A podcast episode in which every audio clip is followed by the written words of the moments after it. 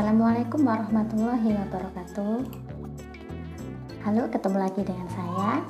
Semoga kita semua sehat, tetap stay at home ya. Di kesempatan kali ini, kita akan melanjutkan langkah keempat pada proses pengumpulan data di penelitian kuantitatif. Apa langkah keempat? Uh, setelah kita sudah bisa menentukan tipe data apa yang informasi apa yang akan kita gali, akan kita ukur, maka langkah berikutnya kita harus menentukan instrumen apa yang akan digunakan untuk mengumpulkan data. Oke, jika kita kita uh, jika kita ingat-ingat lagi, tipe data kemarin ada kinerja atau performance, kemudian ada tipe data yang berupa sikap individu, perilaku individu, atau uh, kita mengamati perilaku dari individu itu.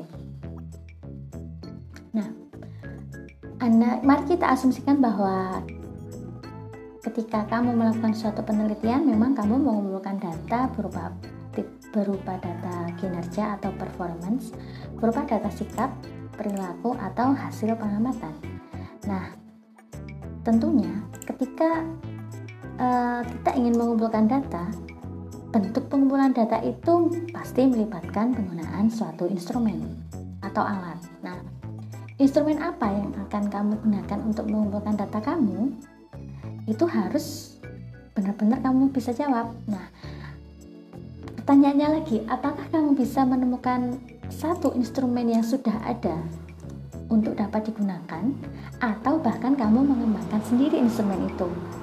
Itu juga harus bisa kita jawab pertanyaan itu. Nah, andai kata kamu mencari instrumen uh, yang sudah digunakan, nah, gimana caranya kamu menemukan instrumen itu? Setelah menemukan instrumen itu, kriteria apa yang nanti bisa kamu gunakan untuk menentukan apakah instrumen itu baik untuk digunakan. Nah, pada uh, pada podcast kali ini kita akan membahas terkait bagaimana menjawab pertanyaan-pertanyaan itu. Oke, kita masuk ke pertanyaan kita perlu menemukan atau mengembangkan instrumen. Nah, sebenarnya ada tiga opsi untuk mendapatkan suatu instrumen itu ada tiga opsi. Yang pertama tentunya eh, kamu dapat mengembangkan sendiri suatu instrumen.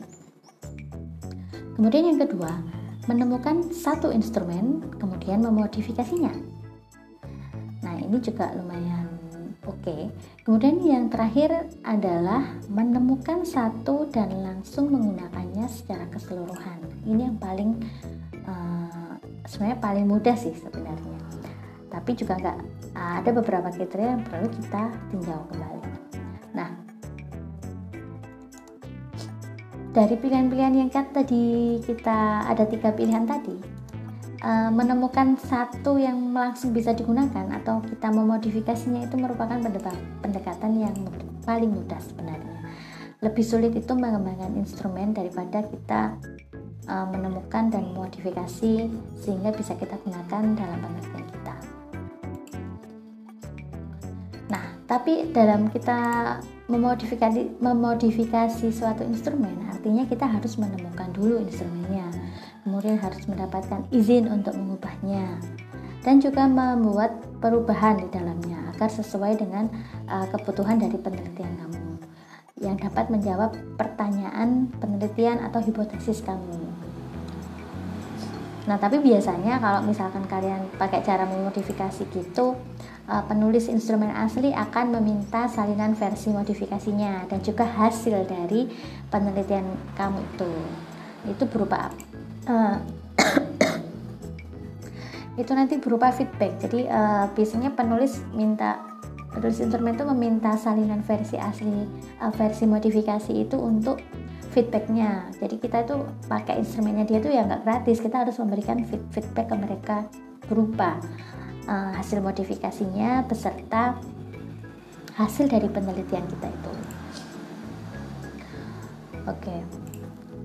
nah nanti akan timbul masalah ketika instrumen untuk mengukur variabel dalam penelitian kamu itu bisa saja tidak tersedia dalam literatur atau uh, secara komersial juga nggak ada kita cari instrumennya. Nah, jika ini masalahnya maka ya kita harus uh, kamu harus mengembangkan instrumen sendiri. Dan itu merupakan proses yang panjang dan sulit. Tapi bukan tidak mungkin untuk dilakukan ya.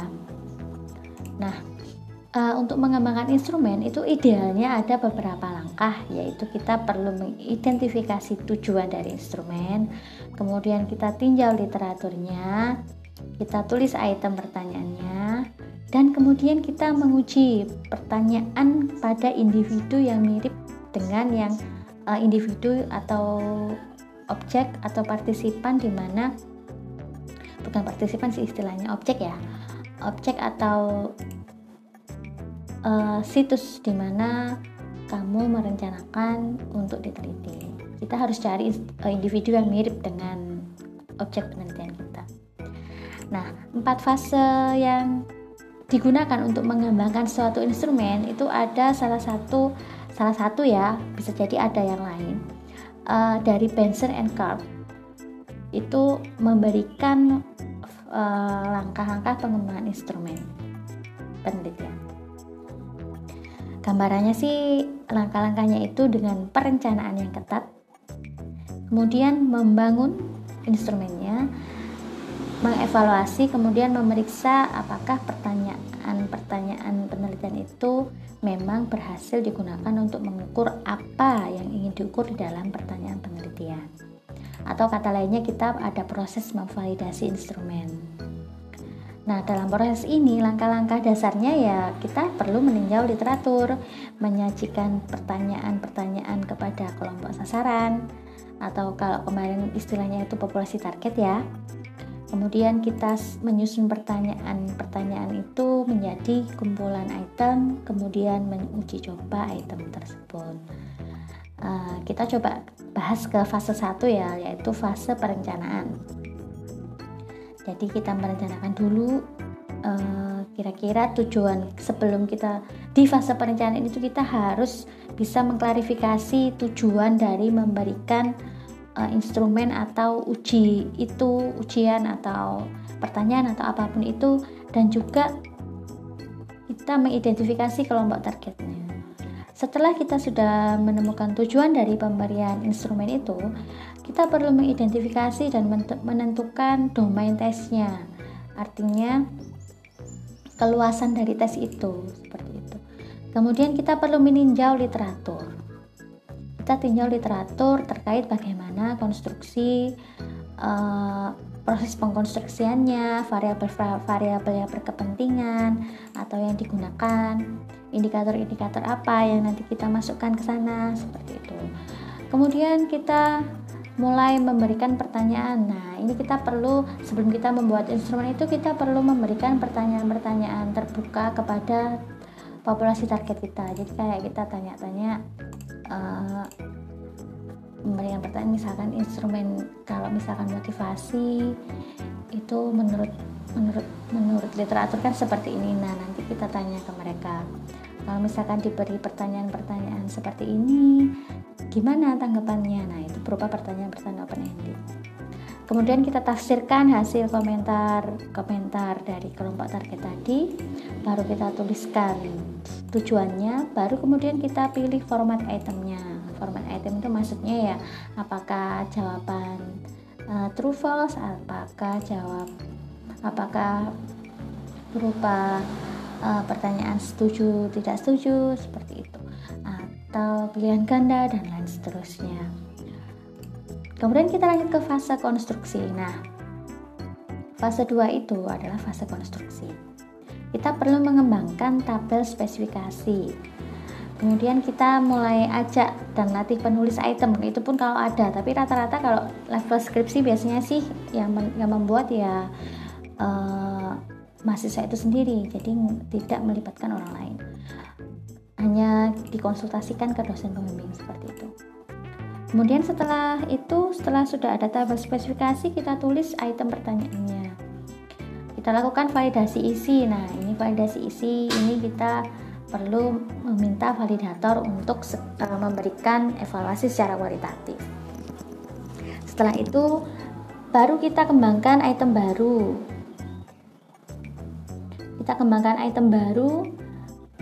Setelah mendapatkan masukan dari validator kita kembangkan item-item baru atau kita revisi. Nah kita masuk ke fase 3 yaitu evaluasi kuantitatif. Nah kita perlu yang namanya evaluasi kuantitatif itu berarti kan kita menghitung reliabilitasnya sehingga instrumen yang kita peroleh itu nanti menghasilkan uh, data yang handal seperti itu. Nah, perlu langkah-langkahnya kayak gimana? Nah, kita siapkan instrumen untuk uji coba. Jadi ada instrumen uji cobanya yang untuk diuji cobakan, kemudian dilakukan uji coba pertama, kita tanyai subjek uji cobanya, kita minta untuk mengisi, kemudian uh, kita hitung reliabilitasnya nah ini tentunya kita harus harus apa ya harus uh, merikau kembali pengetahuan kita terkait reliabilitas ada tes retest ada internet internal konsistensi yang ya yang perlu kalian uh, ingat-ingat kembali Kemudian setelah dihitung keandalannya atau reliabilitasnya, kita lakukan analisis item atau butir pertanyaan. Nah, setelah itu baru kita revisi instrumen dan kita lakukan uji coba yang kedua untuk langkah validasi, yaitu ke fase 4. Setelah kita lakukan uh, uji coba kedua di fase 4 yaitu validasi, kita jalankan analisis item juga.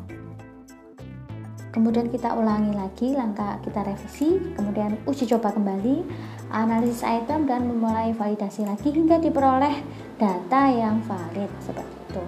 Setelah diperoleh data yang valid nah selesai. Akhirnya instrumen yang kita susun tadi sudah memenuhi kriteria valid dan reliable nah dalam melakukan menghitung Dalam rangka menghitung validitas dan reliabilitasnya tentunya kita membutuhkan prosedur statistik. Nah, ini kebanyakan akan dibantu oleh program yang ada di perangkat dengan komputer. Oke, kita lanjut ke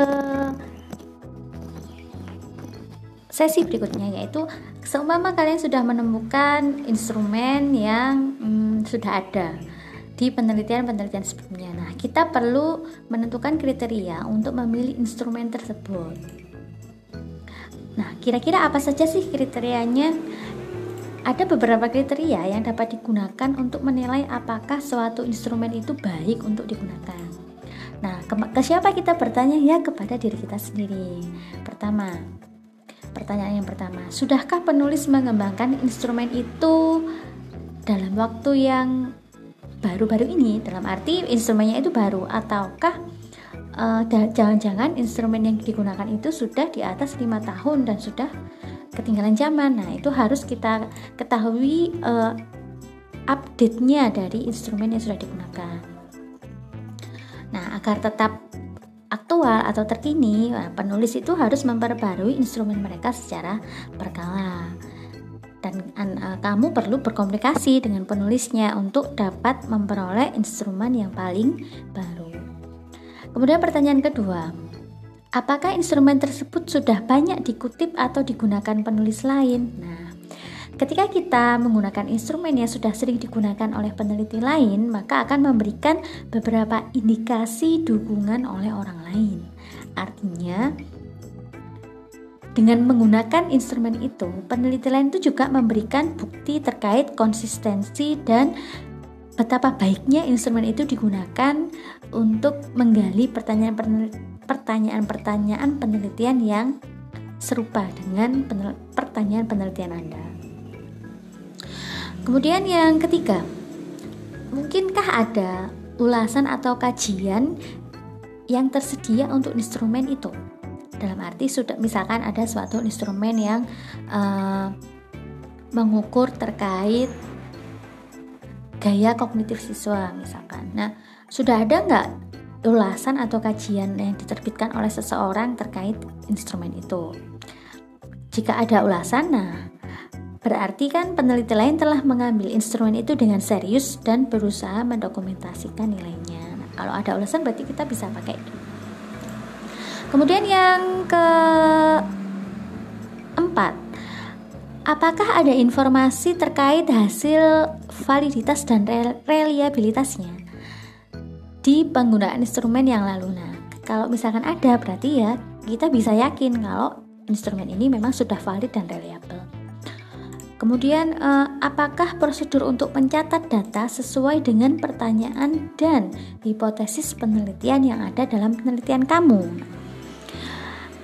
Itu kita harus bisa jawab. Apakah ketika eh, prosedur mencatat data yang digunakan, eh, yang menggunakan instrumen itu memang sudah sesuai dengan pertanyaan penelitian kita?